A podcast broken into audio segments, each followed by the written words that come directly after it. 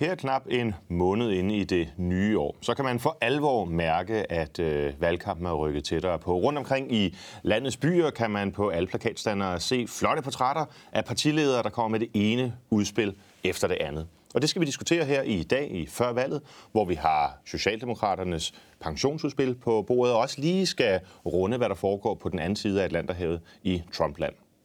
Og til at diskutere de spændende temaer med os har vi inviteret to gæster. Stig Grenov, velkommen til. Tak skal du have. Du er landsformand for Kristendemokraterne. Det er rigtigt. Eller KD, som vi kalder jer lidt, Ja. lidt kortere. Ja. Ja. Og Anders Johansson, som er fungerende politisk ordfører for det konservative Folkeparti. Velkommen til dig også. Tak for det. Velkommen til denne uges øh, Før valget med Jørgensen og Messerschmidt.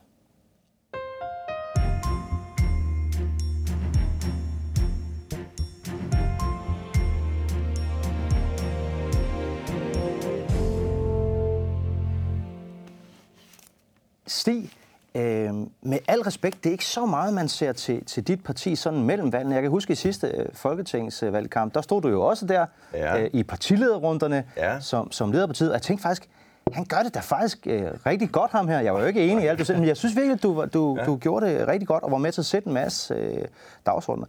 Men, men I kom jo ikke øh, ind, og derfor er der selvfølgelig naturligt nok lidt tavst omkring jeres, mm. jeres parti imellem, øh, imellem valgene. Men kan du ikke sige lidt om, øh, om, om I lever i bedste velgående, og, og hvad det er, I går til valg på den her gang? Vi lever i bedste velgående, og øh, vi har forstærket. Jeg synes faktisk også, at det lykkedes os at komme lidt bedre igennem medierne, også imellem valgene her. Det handler selvfølgelig om først og fremmest om familiepolitikken, mm.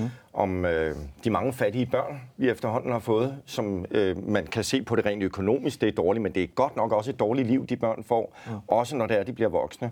Øh, vi øh, vil gerne styrke familierne, hvis det var, at vi fik flere børn. De børn, som folk, vi vil ikke betale folk for at få børn, men får folk dem, som de ønsker sig, mellem to og tre børn, så vil vi ikke skulle til at have en længere pensionsalder. Vi vil slippe for hele debatten om, hvor mange vi skal tiltrække udefra, og vi skal ikke til at tale om, at vi skal sænke ydelserne og forhøje skatten for at få råd til Så, så til jeg skal simpelthen forstå, at et af jeres øh, allervigtigste politiske mål, det er at få folk til at få flere børn. Nej, det er at få lov til at få de børn, som de faktisk ønsker sig. Øh, Danskerne ønsker sig mellem to og tre børn. Okay. Vi får mellem under om ja, 1,6-1,7. Det svinger der omkring. Sådan lidt Så op og analysen er, at snit. danskerne i virkeligheden gerne vil have flere børn, end de får, og Ja. det kan man gøre noget ved politisk. Og i stedet for, ja, man kan sige, at vi skal give friheden til, at man kan indrette sig som med det familieliv, man har lyst til. Og øh, det kræver blandt andet, at man også har muligheden for, at de penge, som man man øh, i dag giver for kommunerne til at få passet sit barn i institution, at man giver 85 procent af det med til forældrene, hvis de selv vil passe det. Altså give en større fleksibilitet, så man selv får lov til det. Og meget pudsigt så er EU jo lige spillet ud med, at nu skal vi til at lægge rammer for, hvem der skal have øh, øh, øh, hvad hedder det, barselsårlov over to måneder til far og to måneder til mor og sådan noget. Og det synes vi jo er helt vanvittigt, fordi det kommer jo an på det enkelte familie, og hvordan de ser ud. Øh, så lige der, der synes jeg, at EU de går, de går forkert i Og byen. det, det tror jeg meget gerne, jeg vil tage en runde på lidt senere, men Ja. jeg synes, det er, det er spændende, når et parti, der kalder sig kristent, eller KD, men kristendemokraterne, begynder at tale øh, familiepolitik, fordi så i europæisk sammenhæng, så er der jo nogle andre konnotationer, der begynder at, at, at, melde sig. Altså, du nævner fordelingspolitik og arbejdsmarkedspolitik som elementer, men, men øh, hvad så med sådan nogle spørgsmål om, øh, om adgang til prævention, for eksempel? Er I imod det, ligesom man Nej, siger nej, nej, andre nej, nej, kristne tværtimod. partier? Altså, eller? øh, vi har faktisk med stort held også i, i Herning, hvor vi sidder faktisk i byrådet, været med til at sørge for, at der kommer øget oplysning, så der er gratis prævention til unge mennesker, mod at de så også får en oplysning undervejs. Det har faktisk medført, at øh, antallet af, af tidlige øh, graviditeter er faldet, og det har faktisk øh, givet en fald i, øh, i øh, kønssygdommene, også i området. Så man har haft rigtig massive gode øh, muligheder der. Vi går ind for oplysning, rådgivning, sociale tiltag. Hvad så med andre at sådan forbedre familie, det gode liv. politiske temaer, som øh, altså for eksempel øh, ægteskab mellem to og samme køn? Det er jo også en familiepolitisk Jamen, øh, debat. Det der, det er igen civilsamfundet, og øh, der er mange, der tror og siger, at kristendemokraterne, det er dem, der har været inde og været imod. Vi er imod, at en stat, altså en regering, går ind og bestemmer over et Mm. kirkesamfund og siger, nu skal kirkesamfundet mene dit eller datten. Det skal være op til Det er et overgreb på civilsamfundet. Civilsamfundet kan mene, hvad de vil, og folkekirken må gøre lige, hvad de vil. Men folkekirken det er, er vel ikke civilsamfundet? Jo. Folkekirken er jo, vi har jo en statsreligion i, i Danmark. Det er rigtigt, men altså man kan sige, at folkekirken er en... Øh, det er ligesom vi havde engang postvæsen, det har vi jo ikke mere, men så et skolevæsen dog, ikke? så har man også folkekirken inde som et væsen, men folkekirken er også et trosamfund og bliver beskrevet også i lovgivningen som et trosamfund. Mm. Og der mener vi, at de indre anlægner i trosamfundet, der skal politikerne bare holde fingrene men, men, men undskyld mig, er det ikke fair nok, hvis vi som samfund øh, betaler for uddannelsen af præster og er med til at, at finansiere hele det her... Øh, hele det her løg, havde jeg nær sagt, ja. det vil virke disrespektfuldt, og det ja. har jeg sådan set ikke nogen grund til at, at, at, ja. at give indtryk af, fordi jeg synes, at folkekirken gør det rigtig godt på mange måder. Ja. Men når nu man som samfund regulerer det, betaler det osv., så, så kan man vel også godt sætte krav, for eksempel, at en præst selvfølgelig skal trykke en, en, en, en kvinde i hånden, øh, at der skal være kvindelige præster, at man skal øh, vige homoseksuelle? Altså, jeg synes, det er uforskammethed ikke at trykke en, et øh, andet ja. menneske i hånden, men jeg kan ikke forbyde mine medmennesker at være uforskammet, ikke at være uforskammet. Altså, sådan er det, det her. Og der er noget, der hedder civilsamfund. Vi går ikke til valg på, øh, øh, på hvilelser, eller den slags. Vi går til valg på at få åndsfriheden til at være stor. Og det vil sige, hvis du synes, at andre mennesker, at øh, der er en præst, som ikke vil trykke en, en kvindelig præst i hånden eller sådan noget, så er du nødt til at sætte vand over til kaffe, og så invitere ind og tage den dialog. Det er jo frem for, at vi tror, vi skal lovgive ind over det. Det bliver så religiøst, undskyld mig. Kan du se paradokset i, at vi i dag, der skal man øh, trykke, øh, trykke hånd for at blive dansk statsborger. Men danske præster, de må godt sige, at jeg vil ikke trykke hånd med dig. Jamen, det kan fordi jeg du er kvinde. Jeg kan ah, sagtens se. Det, det, det er spørgsmål om kvindelige præster. Det er spørgsmål om ja, præstegærning. Det er rigtigt. Det er rigtigt. Men lad os lige prøve at... Øh, at Nå, så fordi du er kvinde, jeg vil, jeg vil kæmpe for, at man har lov til at være uenig Det handler om, man, om man mener, at kvinder må lov til at have et frit samfund. Nu kommer vi ned af en, en, en, en Men altså, det er den ene ting, og den anden ting, det er, at man ikke behøver at være, være, øh, være det er, at man behøver ikke at træde på den, der ligger ned for at være en del af Blå Blok. Det synes jeg er en væsentlig lad os pointe tage, også. Lad os tage det spørgsmål og udgangspunkt øh, videre til vores ja, øh, repræsentant for det kongelige konservative folkeparti. Ja. Øh, Anders Johansson, velkommen til. Og øh, ja, du repræsenterer jo et regeringsparti. Ja. Øh, og Blå Blok. Træder I på øh, folk, der ligger ned, som vi hørte fra øh, Stig Renov? Nej, det synes jeg bestemt ikke. Øh, altså, men i øvrigt, så, så synes jeg, det er nogle meget interessante ting, øh, som I har på, på øh, paletten. Altså det her med at give større frihed til familien, det er jo også noget, som ligger det konservative folkeparti øh, meget på sinde. Det er jo også blandt andet nu, ved jeg, at vi skal tale lidt skat senere, det er jo også noget med frihed. Altså friheden til at beholde nogle flere af sine egne penge til sig selv øh, og, og bestemme i højere grad over sin, sin egen situation. Det synes jeg i hvert fald er vigtigt som, som borgerlig og som, som konservativ. Hvad tanker gør du der egentlig nu? Skal vi lige sige til scenen, du er fungerende politisk ordfører ja. for det konservative folkeparti, så du er en af topfolkene i, i gruppen. Ja. Øhm, men hvad overvejelser gør man så egentlig som konservativ folketingsmand om det her med, med frihedsbegrebet, altså det meget værdiorienterede, mm. øh, som vi hører fra kristendemokraterne om, at, at øh, det handler om at kunne agere frit og en åndelig frihed, og så det rent materielle, mm. altså som vi hører rigtig meget fra dit øh, øh, parti om, at det handler om, at, at staten skal have lidt færre penge at give råd over, mm. og så skal familierne have mere. Ja. De der to forskellige former for frihed, hvordan diskuterer I det? Jamen det er rigtigt, det er jo to øh, forskellige ting, fordi det er jo også det, der egentlig kendetegner os som konservative, synes jeg. Altså øh, i modsætning til liberale, som jo siger, at ja. alt er, er lige meget værd, øh, der har vi jo også nogle øh, mere sådan moralske principper, som vi lægger vægt på som konservative. Øh, og det er jo noget med det her også med, med familien for eksempel. Vi synes jo, det er en af de vigtigste institutioner overhovedet i vores samfund, det er familien, og vi synes, familien skal fylde noget mere, øh, og, og dermed også have frihed til at, at netop fylde noget mere. Men, men det, det skal jeg lige forstå, du siger, at ikke alt er lige meget værd, noget er bedre end andet, og så siger mm. du familien.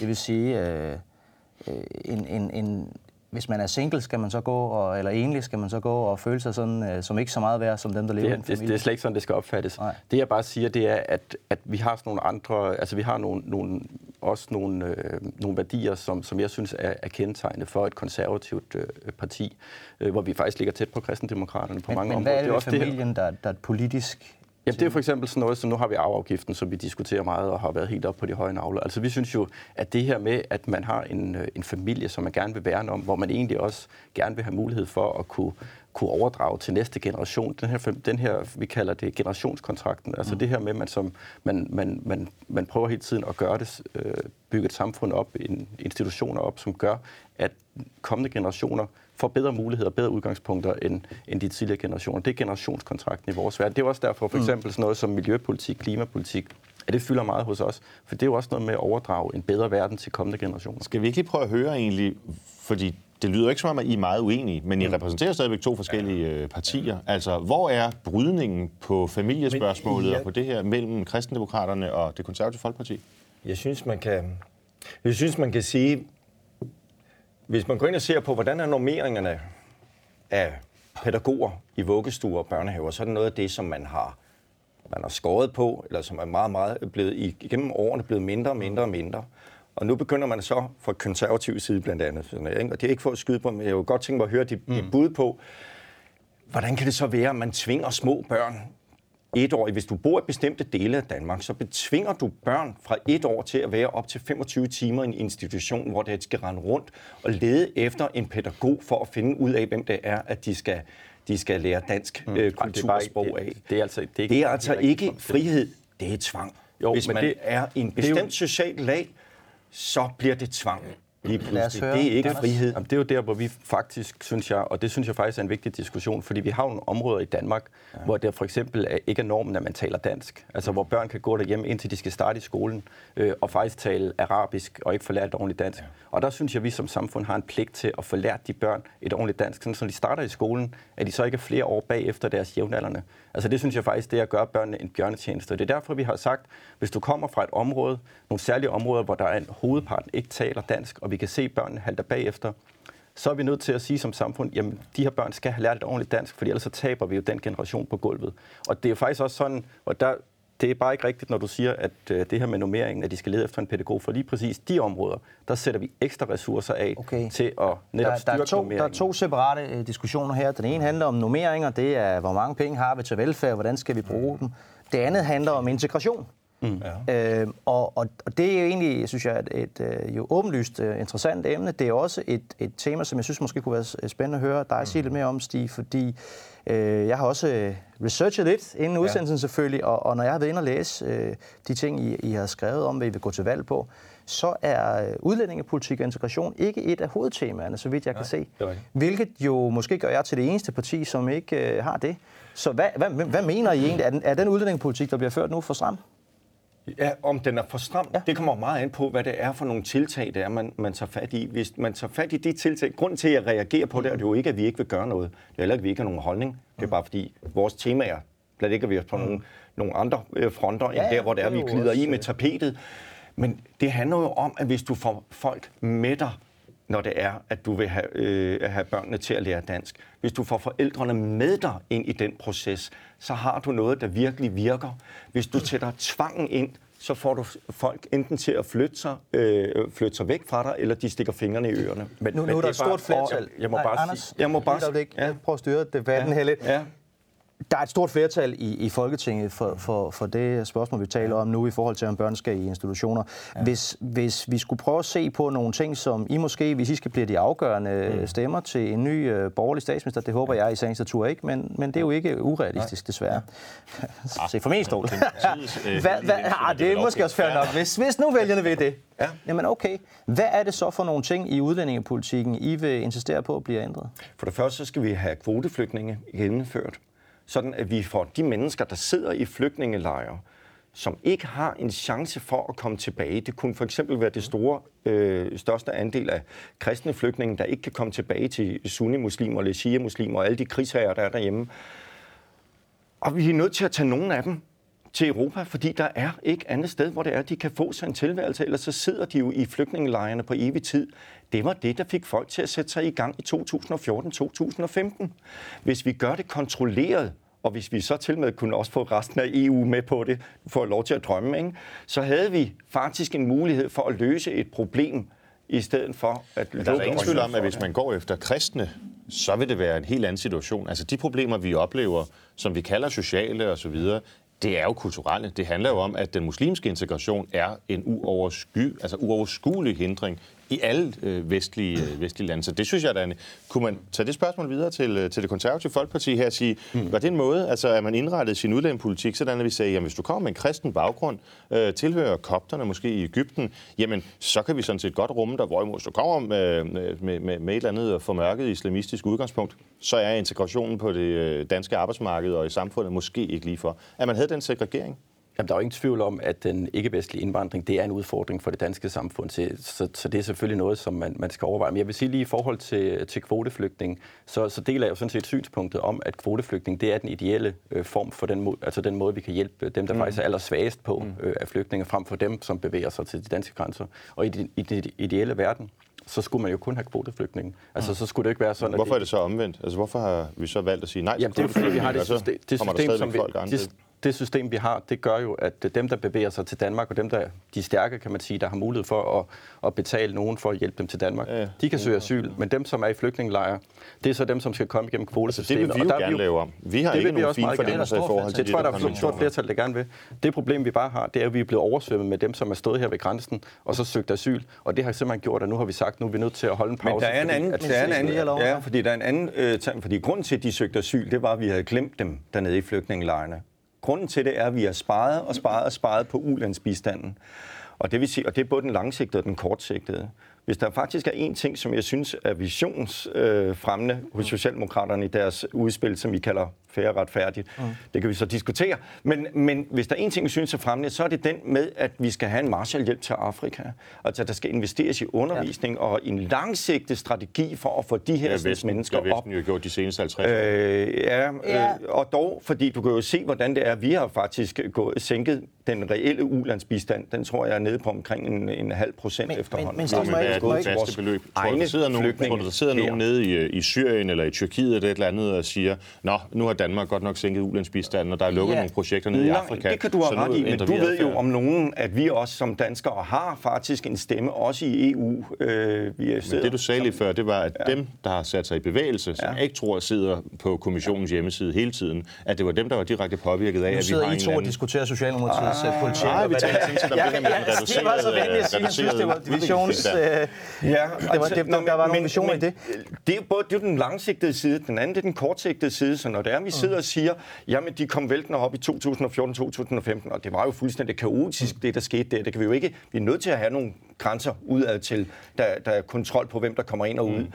Så man bare sige, det skete på baggrund af, at vi havde sparet, og det er skiftende mm. regeringer, der har sparet, som på netop ulandsbistanden. Og øh, jeg tror bare, man har glemt de nu, mennesker, der sad dernede. Derefter, så kommer de herop, så siger man, jamen vi kan bruge pengene bedre dernede. Hvorfor har man ikke tænkt på det på forhånd?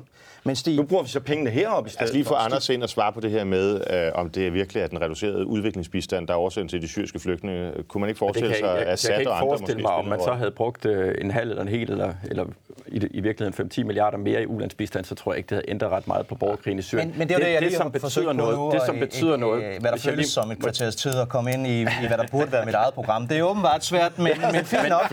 Du føler, ikke, du kan fortælle. Og I sidder og diskuterer min politik.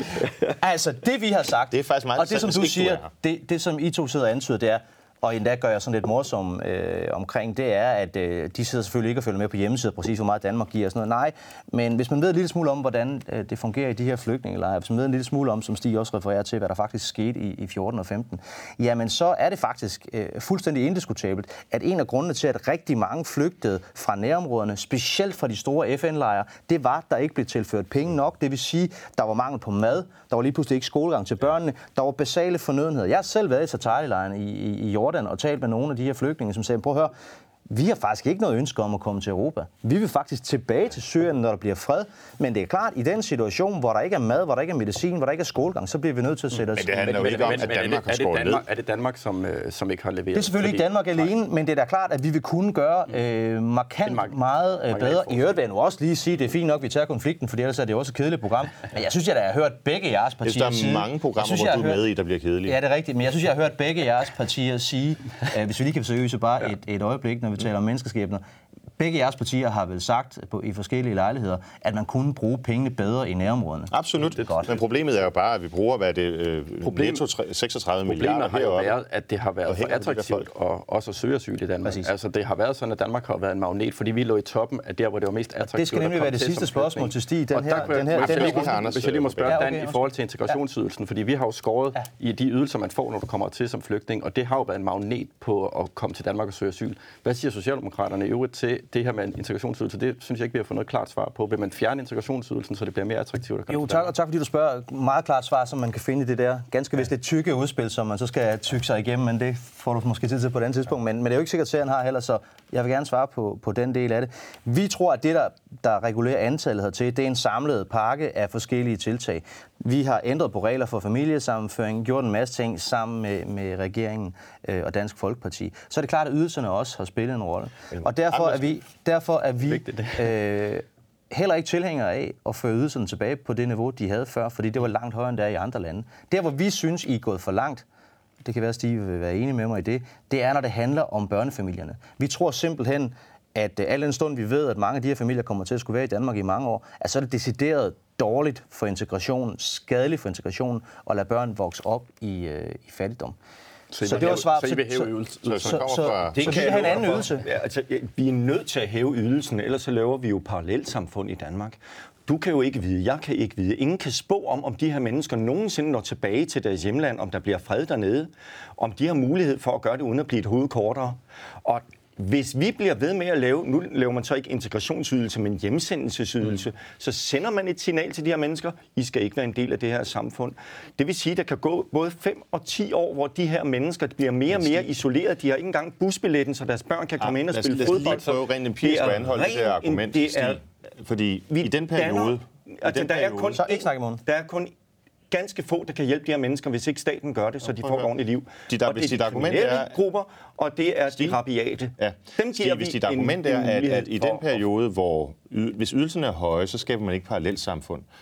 Så må det jo være sådan, at i den periode, hvor ydelserne var høje, altså under mm. Nyrup og så videre, så var der heller ikke parallelt samfund. Og det var der jo. Altså, der er en der. grund til, at man har valgt at fra Socialdemokratiets side skifte fuldstændig spor. Og det var, at det spor, som vi havde dengang, ikke fungerede. Så det der med at sige, at bare ydelserne er høje, så føler folk sig ikke stigmatiseret, og så får vi ingen parallelt samfund. Nej. Det må man bare sige, det er jo falsk. Men har synes- jo fuldstændig også- ret. helt- Send more money er i sig selv ikke ikke nogen ting. Jeg Men det er bare, det, du du kan foreslår. komme, Nej, jeg siger, at du kan komme derned, hvor det er, at du simpelthen ikke kan trives ordentligt. Det er den det, der ene faktisk sker- side. Det, der er... Det, det der faktisk sker, og det, jeg Det var synes, egentlig noget, jeg sagde, for det skulle holde mund. Nå. Men var Jeg skal godt, til. jeg gør det kort, så du også kan komme ja. til. Det, der er vigtigt, det er, at vi får civilsamfundet med ind i det her, sådan at de her, vi får oplyst de her sådan, parallelt samfund. Og jeg synes, Morten, at sige, at flygtningen, der kom i 2015, at de allerede har dannet parallelt samfund. De samfund, vi taler om der, det er faktisk samfund, der er kommet helt tilbage fra 60'erne. Fuldstændig rigtigt. Og deres børn og børnebørn. Jeg synes ikke, Det er vi det. kan Det lave det. den Nu- samme Det det, slutning mellem Skal Anders have kommer lov til en sidste, ja, og dem, det der sidste kommer- kommentar på det her? Men det er jo netop generationer. blevet, fordi, at ydelserne har været så høje, så har man jo ikke haft de incitamenter for at komme ud og få et arbejde. Og det er jo det, der, jeg synes, der er væsentligt her. Det er den her præmis om, at man siger, at det her det fører til fattigdom. Det er jo fordi, man så også siger, at det er fordi, man skal være på ydelse, offentlig ydelse altid. Det, der må være målet, det er jo, at flygtninge skal i arbejde og være selvforsørgende så hurtigt som overhovedet muligt, for det er der, den bedste integration den kommer Så til at langt er vi foregå. enige. Godt. Det sidste. Ja. Vi startede den her runde med at konkludere, at øh, kristendemokraterne i valgkampen ikke ville lægge på øh, udlændingepolitik. Og nu har vi så brugt de første 20 minutter på at diskutere udlændingepolitik. Sådan er det, men vi bevæger os flugs videre til et nyt tema.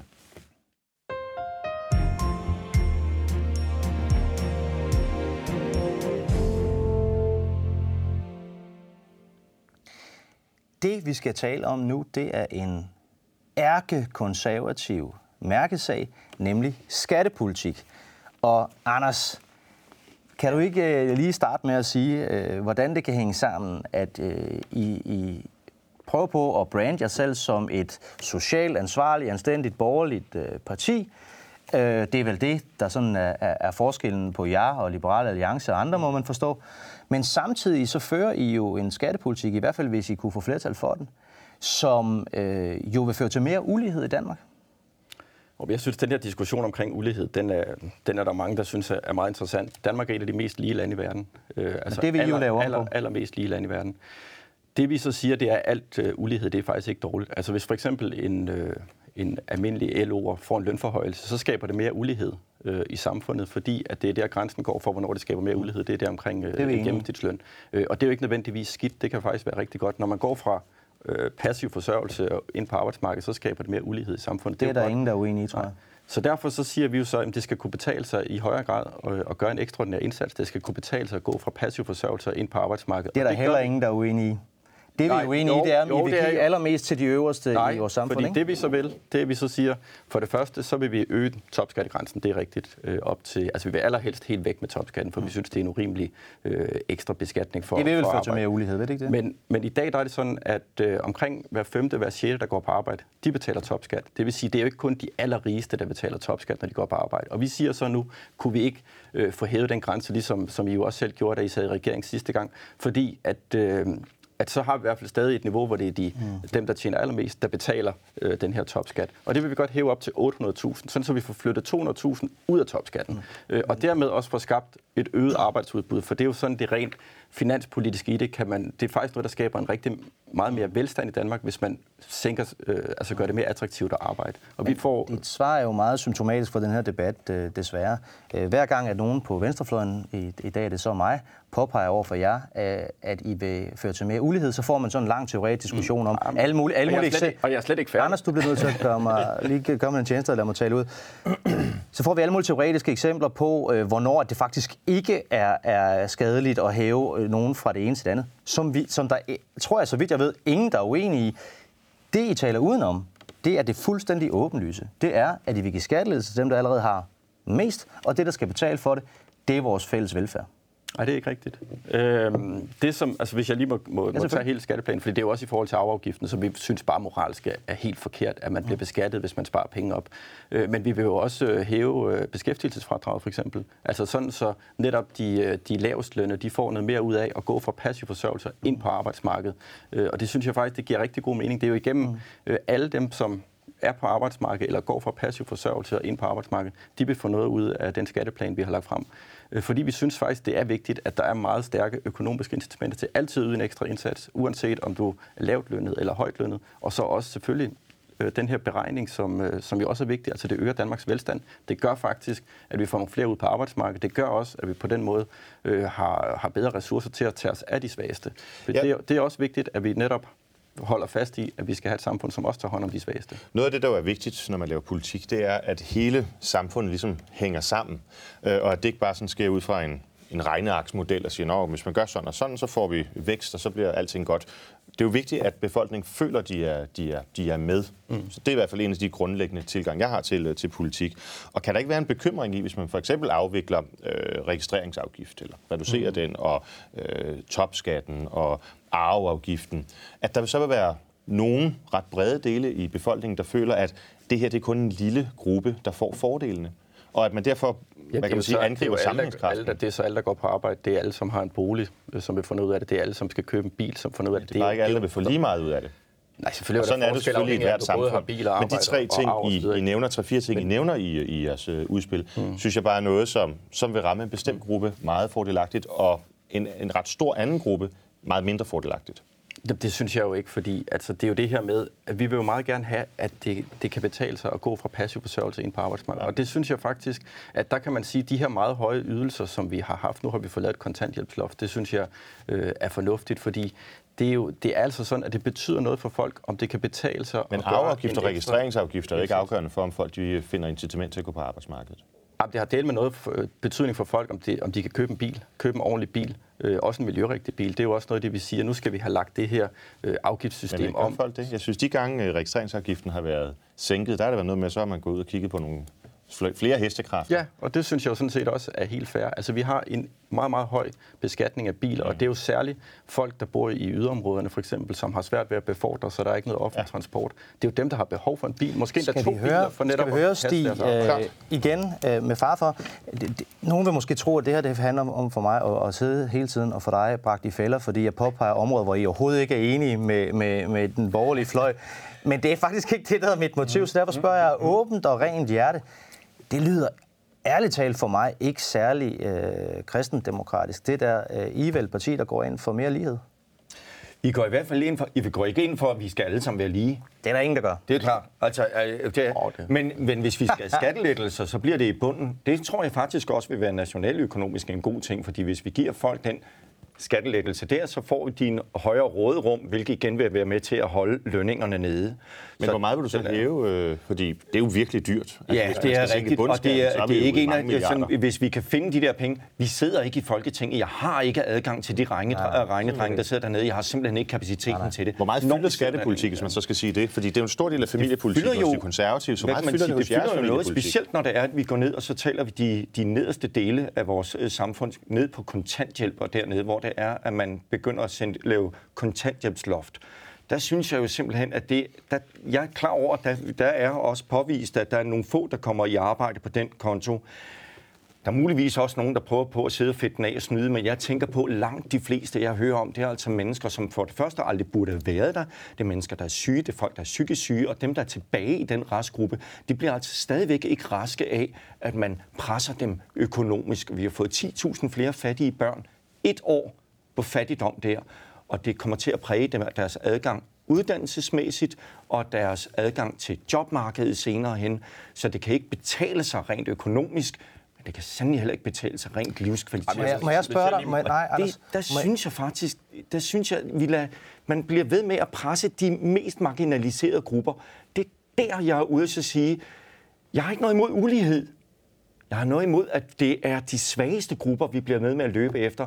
Det er folk, der er hjemløse, vi bliver ved med at lave, lave øh, love efter. Jeg ved godt, der kommer ikke ret godt tiltag lige her på det sidste, men, men ellers har det igen og igen været okay. dem, som man det skal har jagtet på. Jeg synes jo bare, at hvis nu man sådan går ind og kigger på tallene, fordi jeg ved godt, nu er der den der diskussion omkring øh, fattigdom og sådan noget. Altså det er jo en relativ fattigdom, det synes jeg er vigtigt at slå fast. Det er jo ja. ikke sådan, så de kroner og øre er blevet fattige, det er sådan noget, man siger, at den, de nederste 20 procent, de vil altid være, de, være Ej, skal, vi, skal vi ikke lige sige, dem, der er, er blevet ramt af kontanthjælpsloftet, de er jo på kroner og øre blevet fattigere. Jo, jo, men det, der så også er sket samtidig, og det synes jeg jo er vigtigt, bare sige, det jo, jo. er, at, øh, at at, I forhold til det, de havde før. Ja, det netop, øh, at det her med, at det er blevet mere attraktivt at gå fra passiv forsørgelse ud på arbejdsmarkedet, det har jo gjort, at 10.000 vis af kontanthjælpsmodtagere faktisk er kommet i arbejde. Og det synes jeg jo, at det allerbedste, man kan gøre for, for eksempel nu taler du om, om, mm. øh, om børnene, det er jo, at de har nogle forældre, som står op og går på arbejde, øh, og de får et forbillede af nogen, der går på arbejde, frem for nogen, som hænger i et system, hvor de jo, er på overførsel. Det... Og der betyder det altså bare noget om, det, du skal, hvis du for eksempel er enlig mor, øh, så før så havde du øh, med tre børn for eksempel, så tror jeg, det var omkring 22.600, du havde udbetalt om måneden. Nu er det så 18.500. Det vil sige, at du skal altså ud og have et Men, meget, meget vellønnet job, for, for det kan betale sig at gå fra passiv forsørgelse ud på arbejdsmarkedet. Men, og den forskel skal være større, men og det er det, den er blevet ikke, um, Kunne I ikke, Anders Johansson, når I kommer med sådan et udspil her, i virkeligheden har taget højde for meget af den her kritik, som I har fået, og som jo også er rundt om bordet her, ved at komme med et mere afbalanceret udspil. I stedet for at fokusere på de ting, som er topskat og registrering og arveafgifter osv., som jo taler, hvad kan man sige, i et bestemt segment. Privatfly. Nej, privatfly, det var ikke noget med vores udspil Nej, men hvorfor kom, ja, for, er det, har I ikke lige stemt det igennem i hvis, øh, nej, lad mig lige spørge om det her, så kan vi tage øh, privatfly og, og andre hobbyinteresser bagefter. Det er... øhm, hvis, øh, hvis, øh, hvis man gerne vil fagne bredt, og det konservative, du siger generationskontrakt osv., hvorfor kommer I så ikke med et udspil, som siger, at I gør noget både for bundskat og for mellem og for top, sådan så hele hmm. samfundet ligesom kunne spejle men, sig men i det, som, som der så ikke er blevet nævnt her så meget, det, jeg nævnte det før, det er jo beskæftigelsesfradraget. Altså okay. det her med dem, som går på arbejde, at de får et større fradrag. Så det er jo i bunden? I, det er jo i bunden. Ja. Det er netop i bunden. Det er fra den dag, du træder ind på arbejdsmarkedet, så får du et større fradrag. Det er en, og det, det er en enorm... Men, men når vi har de andre ting med, så er det jo fordi, vi mener det. Altså vi mm. mener, at topskatten er, er urimelig. Vi synes, ja. det er en urimelig dobbelt ekstra beskatning af folk, som i forvejen betaler en rigtig høj skat. Vi synes også, at boligskatterne de, er for høje De rigeste i Danmark, de bliver tævet og flået. Nej, men det er jo synes noget med, der skal også det i kristendemokraterne. Vi, I mit parti vil vi jo gerne være med til at beskatte dem, der har mest mere. Altså, vi vil gerne være med til at beskatte Jeg vil ikke være med til at fjerne topskatten. Det vil jeg ikke være med til, men jeg synes ikke, de skal flås mere eller noget som helst. Altså det, det, der sætter vi den der, hvor... Hvad med der, bankerne? Vi har foreslået for eksempel men, bankerne men jeg og spekulation. Jeg, og... må, må jeg, ikke lige, jeg vil godt svare okay. på det, og, og bankerne, dem, det er jo en helt sag for sig, hvad man siger. Det synes selv dronningen, så vidt jeg kan forstå det på det. handler om skattepolitik. Øh, og lige her, der, der synes jeg, du har meget endimensionelt menneskesyn, fordi det er, hvis man, er, man sørger for, at man presser folk lidt, så kommer de mere ud på arbejdsmarkedet. Det anerkender jeg, at det er der nok nogen, der gør. Du glemmer den store gruppe, og så vil jeg sige, for øvrigt, så tror jeg stadigvæk, det kan betale sig at gå ud, set over en livsperiode og komme ud på arbejdsmarkedet, for det viser sig, at du er ude, så stiger du i løn. Det gør du altså ikke, når det er, du sidder Men Stig, du skal lige holde fast i det, fordi bare fordi... Jamen, det er bare fordi, Nej. vi taler hele tiden økonomi. Det handler også om skat, men det handler sandelig også om, hvordan det er, man har det som menneske. Det er Hvis du dig har været ude af arbejdsmarkedet i to år, så er du altså ikke bare... Det er ikke fordi, du ikke vil ind. Det er også nogle gange, fordi arbejdsgiverne ikke tager dig ind.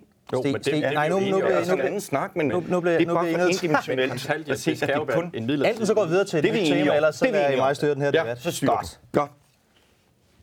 Lighed, ulighed, skattepolitik. Ja. Øh, der er mange dimensioner i det her, og, og Anders siger, øh, hver gang at vi konfronterer ham med, at det fører til mere ulighed, så taler han om det der bundfradrag. Det er jo fint nok, det tror jeg alle faktisk gerne vil være med til, hvis man kunne finde pengene til det. Pengene skal jo bare komme et sted fra.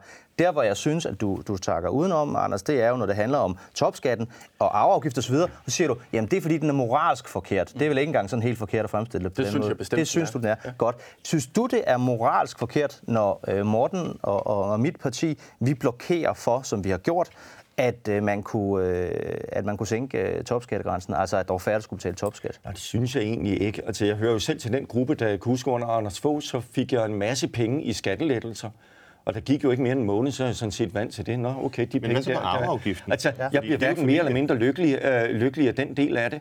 Øh, og jeg tror faktisk også, der er en del af dem, der så får de penge, så regner med, så begynder de at arbejde noget mere. Der vil være en del, der siger, ej fedt, så kan jeg måske lige trække mig en lille smule tilbage, for vi er presset nok i forvejen. Stress er noget af det, vores Stig, samfund.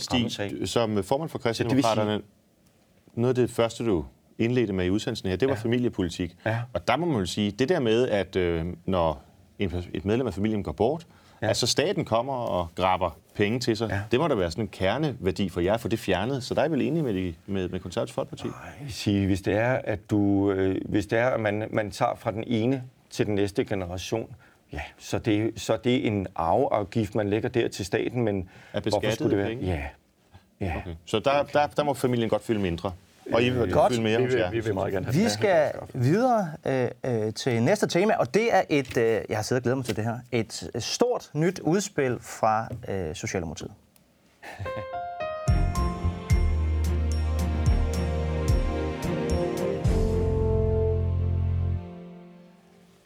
Ja, et af ugens helt store øh, temaer, det har selvfølgelig været øh, Mette Frederiksen på alverdens, eller ikke alverdens, men på Fæderlandets tv-skærme og i aviser og så videre, der har forklaret, at nu I skal... din lille verden I min lille er det verden. alverden. Herfra min verden går.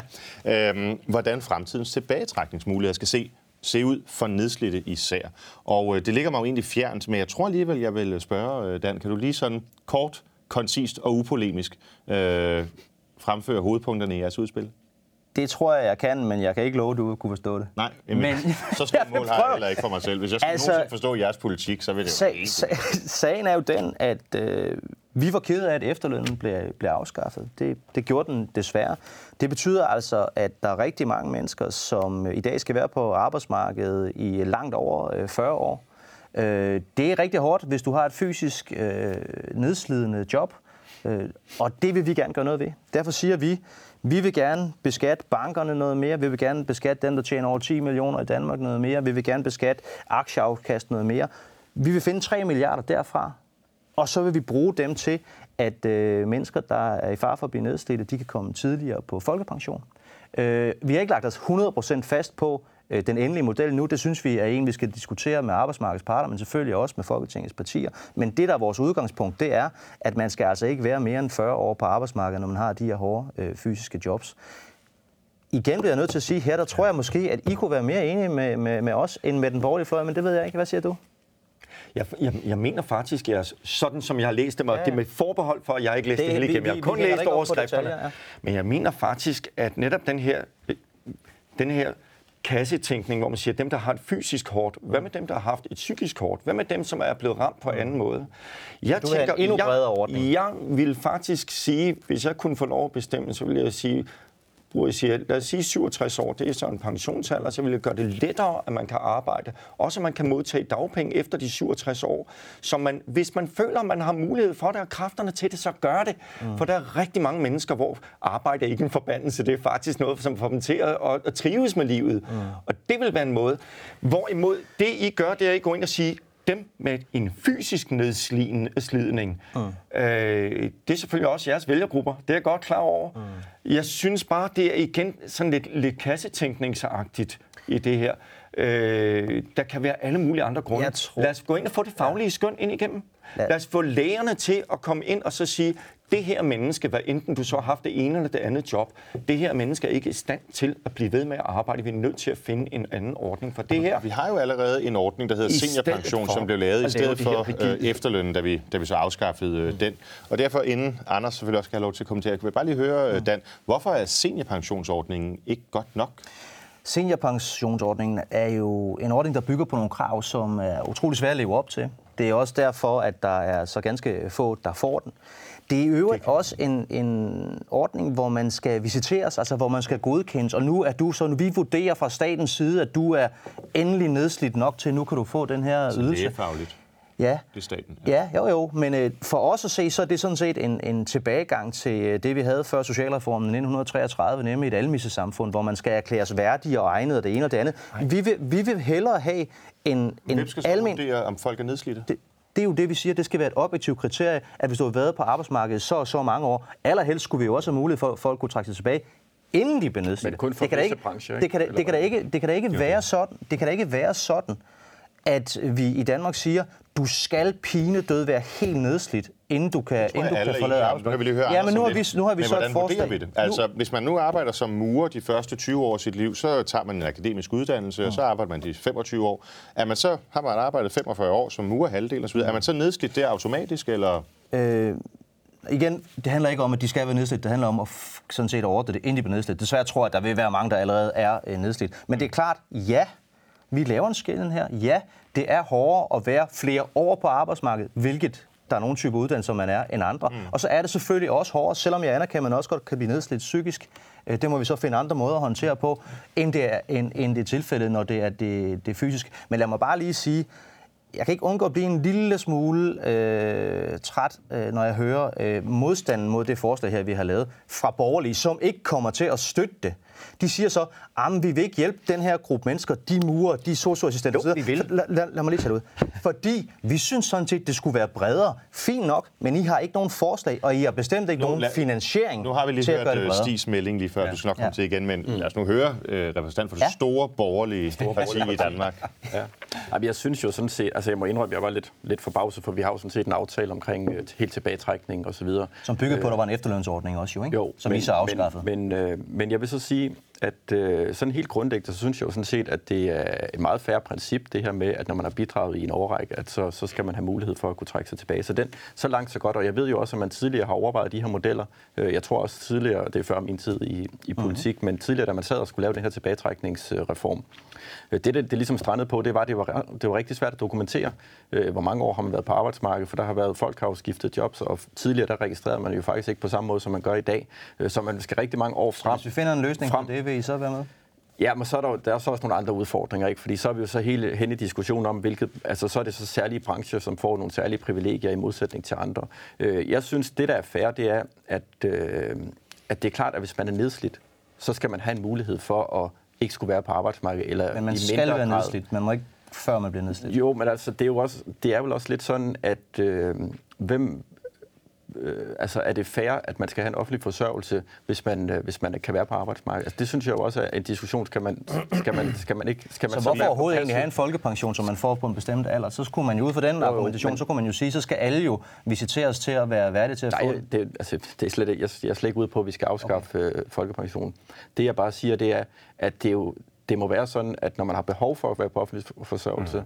så synes jeg, så skal, så skal samfundet stå klar. Altså, vi skal selvfølgelig hjælpe dem, der har behovet, mm. men det skal ikke være sådan, at fordi du er en bestemt branche, eller fordi du er en bestemt, at så, så er du automatisk per automatik udsendelse- nedslidt. Fordi mm. en anden ting, vi også skal huske på, det er, øh, der er også forskel på, hvordan man arbejder i dag, øh, også fysisk, end man gjorde for 20 år siden eller 30 år siden. Og dem vi taler om, de arbejdede jo for 20 og 30 Ja, det er med på. Det er med på. Men, Men det, det signal, som en, sender med øh, det her forslag, det er jo, du skal nok få lov at svare at på i det her dag, også. der er man nedslidt øh, få, altså efter kort tid, hvis man er ude i nogle af de her jobs. Og det vi faktisk har rigtig store udfordringer med, det er jo faktisk at, at gøre det, altså netop få tiltrukket unge mennesker ind i, øh, på erhvervsuddannelserne. Og hvis man så går ud og så siger, at det her, det skal I simpelthen ikke søge, fordi I bliver nedslidt, og det er rigtig det er dårligt arbejdsmiljø. er Men da vi indledte den her udsendelse, og det er derfor, jeg prøver at afbryde dig med ikke særlig stor held, øhm, der havde I ikke nogen problemer med at sige, at folk, der bor i bestemte områder i forhold til for eksempel, at vi laver særlige regler om, at der skal man have børn i børnehaverne, og der er de mm. forskellige krav og sådan nogle ting.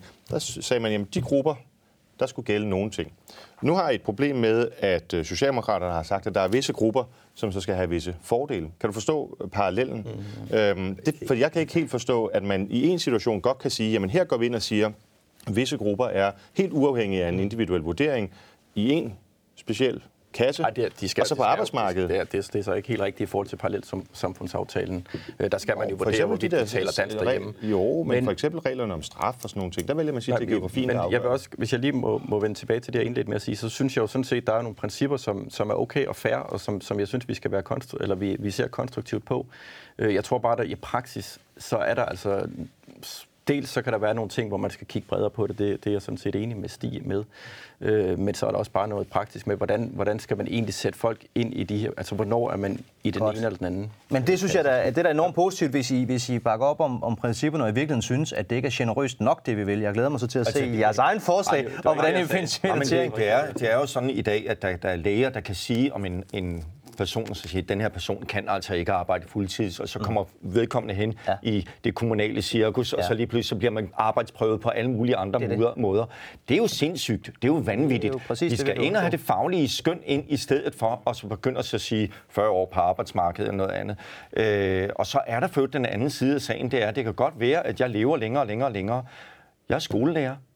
Jeg vil gerne se den forælder, der synes, det er fedt, at deres barn i første klasse skal have en lærer på 70 eller 71 eller 72 år. Altså, der er bare en Men må jeg, må, jeg, må jeg ikke lige sige, må jeg ikke lige sige at de det her med, at man øh, sondrer mellem forskellige erhverv, det er jo ikke kun øh, knyttet til, at det er hårdere fysisk, fordi jeg anerkender helt, at der er, kan også være øh, jobs, hvor man har taget en, en længere uddannelse, som også kan være hårdere, både fysisk, men i særdeleshed psykisk. Men nej, nej, lad mig lige, men, men det her det er egentlig bare for, det her det er egentlig bare for at lige øh, rette en misforståelse. Ja. Når det primært vil komme til at handle om den anden gruppe, og når det er vigtigst at sætte ind i forhold til den anden gruppe, så er det jo fordi, de kom på arbejdsmarkedet tidligere. Mine kammerater fra Morud på Nordfyn, mm. som gik ud og fik en, en lærlingeplads lige efter folkeskolen, da jeg var færdig med min uddannelse, der havde de allerede arbejdet 15 år. Mm. Med deres hænder, mm. med deres rygge, Og det der tror hver jeg, dag. at Dan, altså jeg kan sagtens genkende billedet, men må jeg komme med en lille fortælling fra den virkelige verden, helt ja. kort. Ja. Jeg, så kan det øh, også være, at vi kan få at vide, hvad Dansk Folkeparti mener om det her forslag, som alle har Nå, diskuteret hvis, en hel I, uge. hvis, I, hvis I starter med bare at sige, hvor pengene skal komme fra, så tror jeg, vi er nået Det har rigtig langt. Det har vi sagt. ah, der, så der, øh, er der set flere øh, hul i forhold til, hvordan kronerne skal hænge Men sammen. de 3 milliarder, vi har fundet, vil I være med til Dem, at I finde har dem? fundet, dem har I fundet. Det er jeg med. Vil I være med til at finde dem? Det skal jeg ikke kunne sige. Det, men, men lad mig nu komme med et glimt fra den virkelige verden, fordi jeg øh, begår mig ganske meget på en stor arbejdsplads nord for København, der hedder Dyrehavsbakken. Ja. Og der er rigtig mange øh, af folk derude, som har titel af direktør, ja. øh, virksomhedsejer ja. osv., men som ikke har nogen uddannelse, og som øh, sådan set har knoklet siden de var øh, 15 år, øh, og som måske er, er tæt på at være fysisk nedslidte, men de alligevel på papiret øh, øh, har de en meget, meget ja. flot titel. Ikke? Så derfor kan jeg godt være lidt enig i, at det kan være svært med de der bokse, og hvordan man lige rammer, øhm, og at man, selvom man har de gode hensigter, så måske alligevel kommer til at ramme forbi. Er det ikke noget, I er bekymret for? Jo, for fanden. Og lad mig også sige det sådan her. Altså, øh, hvis der er nogen af jer, alle jer velmenende borgerlige typer, som synes, at vi skal bruge endnu flere penge på at sikre, at folk kan komme, få en tidligere tilbagetrækning, alle jer, som egentlig stemte for øh, at afskaffe efterlønnen, som nu har fået trudt det lidt, så helt ærligt, så kigger vi på det. Jeg synes bare ikke, I kan bruge det som et argument imod at stemme for den model, vi nu har lagt frem, som vil øh, i en typisk overgang ramme øh, mellem hver femte og, og hver ottende på en positiv måde ramme, fordi de vil få mulighed for så at kunne trække sig tilbage nogle år tidligere. Og lad os lige sige, det er jo ikke et luksus det her, det er jo stadigvæk efter øh, 40 år, 40 år er enormt mange år i, i fysisk hårde jobs. Vil du have et Det, sidste det bemærkning anerkender jeg her? også. Nu, nu, nej, nu er det bare lige fordi Dan, han, øh, han sagde dem, som havde stemt for øh, forringelserne af efterlønnen og afskaffet efterlønnen. Ja. Altså, det er vi jo sådan set øh, stemt for alle sammen. Øh, Ej, lad nu være med at være så polemisk, Anders. Du ved godt, hvordan det hænger sammen, ikke? Skal jeg forklare, hvordan det hænger sammen? var, at Torning-regeringen øh, Ja, skal jeg forklare, hvordan det hænger sammen? på det, Ja. fordi der var videreført øh, Ja, aftalen. vi gik til valg på, at den skulle absolut mm. ikke afskaffes. Mm. Så blev øh, Folketinget men, Men- men, men- sammensat på en anden måde, sådan at der var et flertal for, at den skulle afskaffes. sige, og de radikale sagde, vi kan gå i I har- regering. har I stemt for den, eller har I ikke stemt for? Jamen, Ja. da, da den så Men skal indrettes, så, så skal, synes du det? Ja, det synes Jamen, jeg. I kunne bare sagt til de radikale, Men fint så. I kan ikke være i Jeg var sådan set også i gang med at, at forklare det, men, men øh, da I to polemikere, så øh, skal mor jeg lidt. Fint nok. Da, da vi så øh, sidder med regeringsmagten, så er det rigtigt, vi kan sige, hmm, den her skal afskaffes. Vi vil egentlig ikke afskaffe den. Den bliver afskaffet under alle omstændigheder. Skal vi så lade Lars Lykke stå for at skrue det sammen, eller skal vi gå i regering med radikale, selvom vi er imod det, og få alt det andet, vi i øvrigt gerne vil have gennemført? Men synes Ej, du- Anders, du kan simpelthen Men- ikke sige, nu må jeg forklare det, og så hver gang jeg prøver på det, så afbryder du mig. Er det okay? Så siger vi selvfølgelig, godt, så går vi med. Vi har ikke en eneste gang, selv da vi stod deroppe og sagde, nu stemmer vi det igennem, men det er godt nok med armen øh, vredet om på ryggen, og det er godt nok mod vores vilje, og vi vil indsætte noget andet. Nu synes godt, jeg lige- Så ved serien også, hvordan det hænger sammen, selvom de skal nu høre på jeg, armen om på ryggen af dig. Anders, du må lige have en replik her.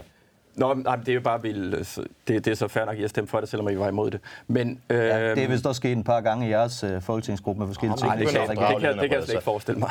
Vi skal have, vi skal rundt den her. Nej, jeg vil bare runde lige sige om det, fordi altså, det er jo heller ikke en færre ordning, efterlønsordning. Det synes jeg i hvert fald ikke. Altså det her med, at fordi det jo, den er jo netop ikke mellem, om man var nedslidt eller ikke nedslidt. Altså det blev sådan et, Godt. et, et gode, som man bare kunne trække sig tilbage Godt. før tid.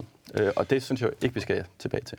Og om det var en fordragelig afslutning på den her runde, det skal jeg Det ikke være, være dommer over. Debatten den vil øh, fortsætte, og øh, nu bevæger vi os over til den helt anden side af Atlanterhavet.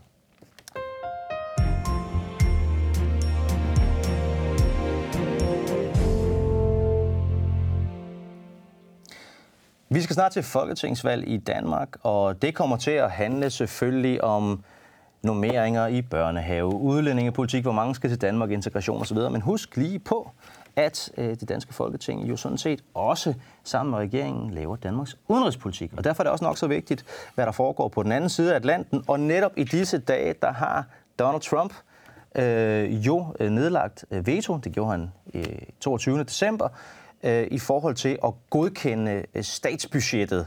Det vi i Danmark vil, vil kalde finansloven. Det er ikke helt det samme. I øh, USA fungerer det på en lidt anden måde, men, men, men det er, er den mest forståelige måde at forklare det på. Det betyder 800.000. Staten er sådan set lukket.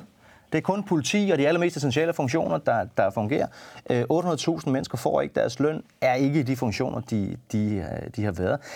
Øhm, det her er sådan set ikke et spørgsmål til, hvad skal vi gøre ved det i Danmark? Det kan vi nok ikke gøre så meget til. Det er egentlig mere sådan et åbent øh, spørgsmål. Hvad tænker I om den måde, USA bliver ledet på øh, lige nu? Hvad holdning skal vi have til det i Danmark, hvis nogen? Anders, vil du lægge ud? Mm.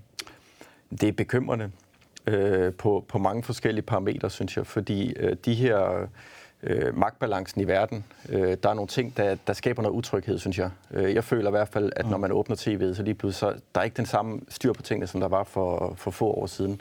Øh, altså handelskrig, det skaber utryghed for, for erhvervslivet. Kan, hvordan, hvordan kommer det til at ramme dansk økonomi? Hvordan kommer det til at ramme magtbalancen i verden? Øh, jeg synes, det er meget bekymrende. Øh, altså Danmark er en, en tæt og nær allieret til USA, og det skal vi selvfølgelig blive ved med at være. Øh, men, men det er selvfølgelig bekymrende, når, når vores nære allierede pludselig begynder at opføre sig anderledes, end vi har set tidligere. Så, så vi skal selvfølgelig gøre alt, hvad vi kan i de internationale forer, hvor vi har en stemme øh, for at, og, og skabe stabilitet, øh, der hvor vi kan, blandt andet i, igennem EU og, og NATO osv., og, så videre, øh, og, og det samarbejde, vi har med, med USA, øh, for, for netop at fortælle, at, øh, at vi...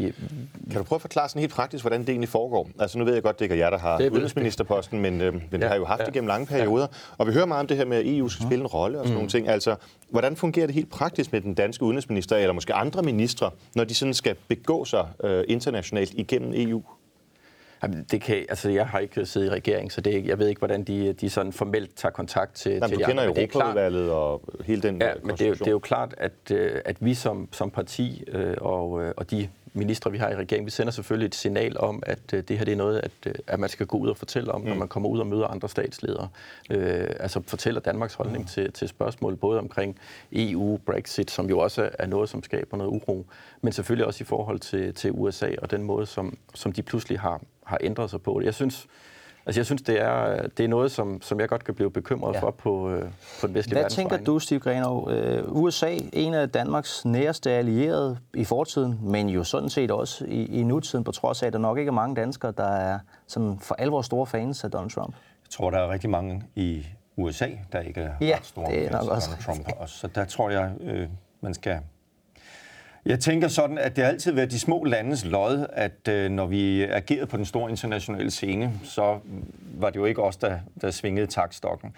Men vores fordel var, at hver gang man så fik en, øh, en aftale, det vil være handelsmæssigt, forsvarsmæssigt og noget andet, så har man ligesom bundet de store lande op på noget. Det, der er problemet nu, det er, at vi har en Donald Trump, som laver en aftale, og så flyver han, og så siger han til pressen, mens han flyver, sidder i flyvemaskinen, nej, det jeg lige har skrevet under på, det mener jeg alligevel ikke. Altså, det vil sige, at, øh, at vi står som lille land også og, og bliver kastet mere rundt, og vi skal prøve på at finde vores, vores, øh, vores øh, medspillere et andet sted. Og jeg er jo så glad for, at vi har et EU, hvor man stadigvæk trods alt prøver på at lave nogle fælles aftaler på de grænseoverskridende problemer.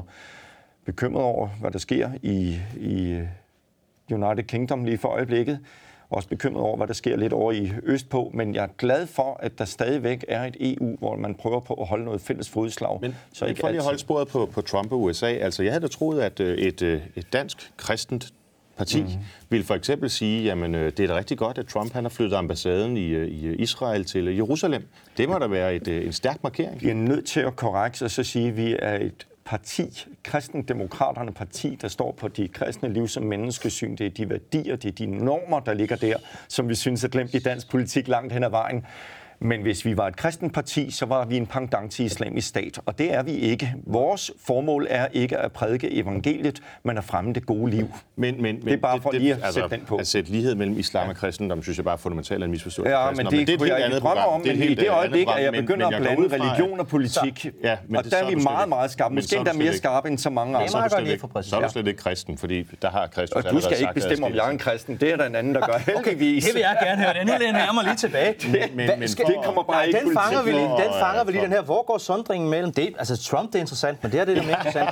Hvor går grænsen jeg ved ikke, mellem... Om du har fået Hvor går grænsen mellem øh, kristendom og politik? Hænger det sammen for dig? Absolut. Altså, som kristen menneske kan man overhovedet ikke undgå, at det hænger sammen. Det, der bare er så vigtigt, Hvordan? det er, Ja, fordi uh, hele samfundet jo er styret ud fra den historie, og det er også den tro, vi har. Altså for at bare tage på kalenderen og se, jeg hvordan det troer. hænger. Så, nej, det kan godt være, at du ikke er det, men samfundet er jo kristent helt ind i sin Hele grundvold. vores Når man bliver lovgrundlag er præget af det kristne liv som menneskesyn. Alene det, at vi lader noget gå for ret i straffesager og den slags, ja. det er jo ikke, det er jo ikke Tror noget I, der er mange danskere, der ser sådan på det, at, øh, Nej, men at de vores... Jo, og dog, jo, ved du hvad? 70 procent, er det ikke over 70 procent, der er medlem af Folkekirken? Jo, jo, men... 79. Men er det, der var faktisk men en det høring om det et her på Christiansborg i, land? i, i, i sidste uge, som var meget spændende, hvor jeg deltog, hvor flere biskopper og også kirkelige organisationer var, var repræsenteret. Og det kan godt at man ikke tænker så meget over det kristne i dagligdagen. Men øh, hele vores sprog er jo styret af, der er jo rigtig, rigtig mange af de sådan, vendinger, vi har, der kommer fra, fra Bibelen. Hele måden, vores samfund er organiseret på. Øh, kirkebogsføringen er jo sådan set også der, man får registreret, når man får nye børn, altså for, for, der fødes børn osv. Så, så kristendom, det er også derfor, Men- vi, som men vi startede med at har sige, vi har en statskirke, en men- folkekirke. Men Og kristendom har jo også været påvirket af samfundet op igennem Absolut, tiden. Så ja, det går jo begge veje. Ja. Så det, der handler om, det er vel, om man grundlæggende tror, at vi skal, og mener, at man skal indrette vores samfund efter noget, som en, en metafysisk størrelse, altså Gud, har, har besluttet. det er helt rimeligt, og det er der jo også mange, der mener. Altså, jeg mener for eksempel, at vi skal holde fast i vores kristne helligdag, men ikke fordi det står i Bibelen. Vi skal det, fordi det er demokratisk vedtaget. Og så kan man jo så på Christiansborg sige, jamen jeg synes, vi skal stemme ja til det, fordi det står i Bibelen. Men det vigtige er jo det sekulære princip, at det hviler på den ordning, vi har, grundloven. Så jeg vil mene, jeg vil fremme det kristne liv som menneskesyn i. Danmark. Det siger jeg, det er, det er fuldstændig åben om. Men der er forskel på det, og så sige, og så vil jeg i øvrigt prøve at lukke af for alle mulige andre, for jeg, vi er kristendemokrater. Vi er ikke kristne diktatorer. Nej. Så det vil sige, at vi er inde og prøver at give vores påvirkning med de værdier, sådan som det er præsenteret i vores principprogram. Det er forstået. Og, og Så får det vi er bare tilbage, det. Så må I jo have et særligt tilbage. forhold til Israel, går ud fra. Ja, det kunne du stole på. Der Er det vi- så ikke godt, at vi får flyttet den amerikanske og også hvad det andre ambassader? Vi går jo også ind for, at, at vi vil flytte den danske ambassade til den vestlige del af Jerusalem, så længe det er en betingelse, at hvis det er, at Israel indgår en aftale med palæstinenserne en løsning, ja. altså, så kan der også være en i, i teoretisk Ja, ja, i den, det er klart. i den er det anden del. deres. Jeg vil simpelthen sørge for, at, at øh, altså, men Israel har lov til at bestemme, hvor deres at være meget alene vi med, kan være det, men du ved jeg godt, at det er Trump, der flyttede. Ja. Trump, der flyttede den der. Jeg er ikke villig til at betale blod for det, fordi det er mursten, og, og, og det? menneskeliv er, er, er væsentlig er væsentlig for mig. Derfor siger jeg, den vestlige del, den del, som det er, at den ligger i Israel, altså i, i den del, som hele Skal vi tage en, en hurtig her sidste runde på? Øh, ja. Indledningen på det var jo, det, det går sådan lidt øh, op og ned over på den anden side af Atlanten i Guds eget land. Øh, Donald Trump, ingen af os er stor, godt være Gud. Ingen, ingen af os er, er stor fans af ham. Øh, Folketinget, som jo er med til at, at bestemme, hvordan regeringen fører deres udenrigspolitik, mm. Øh, har selvfølgelig også en indflydelse på, hvad en dansk kommende statsminister skal sige, når hun øh, sidder øh, sidder over for Donald Trump. hvad kandidater, være, hvad vil være Anders, hvad vil være den mærkesag, som øh, Mette Frederiksen eller Pernille Skipper skulle tage med? Eller Pernille. Eller Pernille Vermund, eller Uffe Elbæk, eller Lars Løkke. Altså, pick one. til, øh, til USA? Ja. Jamen, jeg tror, at øh, det, det, det Du må kun nævne en. Ja, Men Ja, så skal Han, vi... måske? Ja, jeg synes, han, altså det her med handelskrig, det synes jeg virkelig er bekymrende. Øh, fordi nu har vi faktisk i verdensøkonomi, hvor vi har et, øh, et opsving kørende, som måske risikerer at gå i stå.